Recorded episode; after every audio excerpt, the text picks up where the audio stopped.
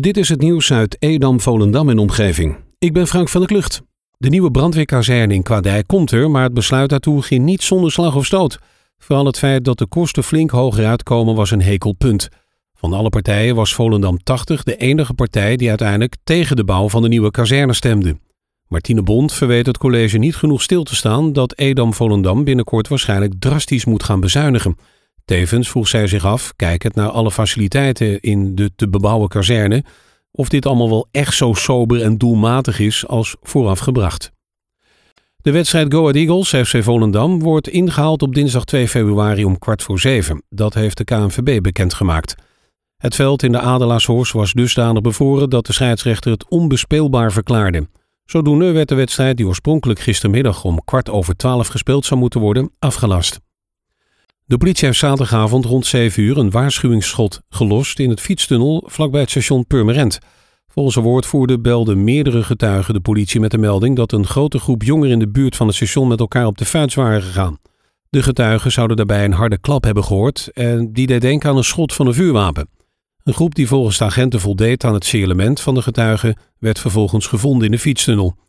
De groep wilde niet meewerken, waarop agenten het nodig achten om een waarschuwingsschot te lossen. Volgens de woordvoerder heeft het schot geen baat gehad en is de groep er alsnog vandoor gegaan.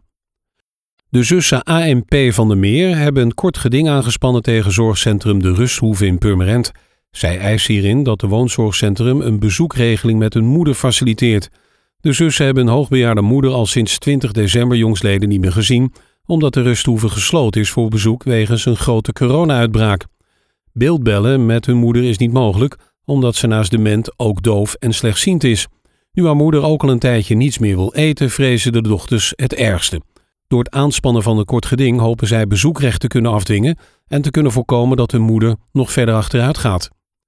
Vandaag starten rioolwerkzaamheden aan de Bloedkoraal in Volendam. Dat duurt ongeveer twee weken.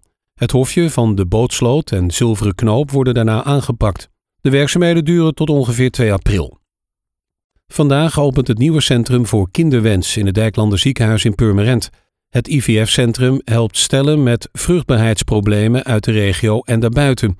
Voor één op de zes stellen is zwanger worden of blijven niet vanzelfsprekend. In het Centrum voor Kinderwens draait alles om zwanger worden als dat niet vanzelf gaat. Het Centrum voor Kinderwens is het 16e IVF-centrum in Nederland met een eigen laboratorium en het enige in Noord-Holland boven Amsterdam. Zaanstreek Waterland blijft het stabiel slecht doen met corona. Tussen vrijdag en zaterdag kwamen er 88 gevallen bij. Een etmaal later waren dat er 113. Dat meldt het Noord-Hollands Dagblad vandaag. Daarmee komt de grens van 20.000 besmettingen steeds dichterbij. Sinds het begin van de pandemie is het virus bij 19.827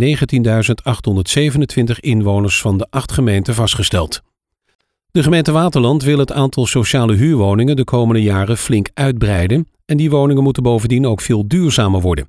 Zo worden onder andere op gas gestookte kooktoestellen taboe in huurhuizen, zo schrijft NAD.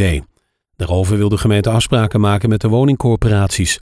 De vraag naar sociale huurwoningen is enorm groot en de wachttijden voordat iemand een woning krijgt toegewezen zijn onaanvaardbaar lang. In de afgelopen maanden is onderzoek gedaan naar het draagvlak voor verschillende zoekgebieden voor windturbines en zonneweiden in Landsmeer, waaronder langs de A10. Inwoners zijn door middel van een participatietraject bestaande uit een bewonersavond en een enquête gevraagd naar hun mening over deze zoekgebieden. Op donderdag 28 januari is tijdens de raadsvergadering in lijn met de uitkomsten van de enquête onder de inwoners besloten dat er geen windturbines komen in Landsmeer. Tot zover het nieuws uit Edam, Volendam en omgeving. Meer lokaal nieuws vindt u op de Love Kabelkrant, onze website of in de app.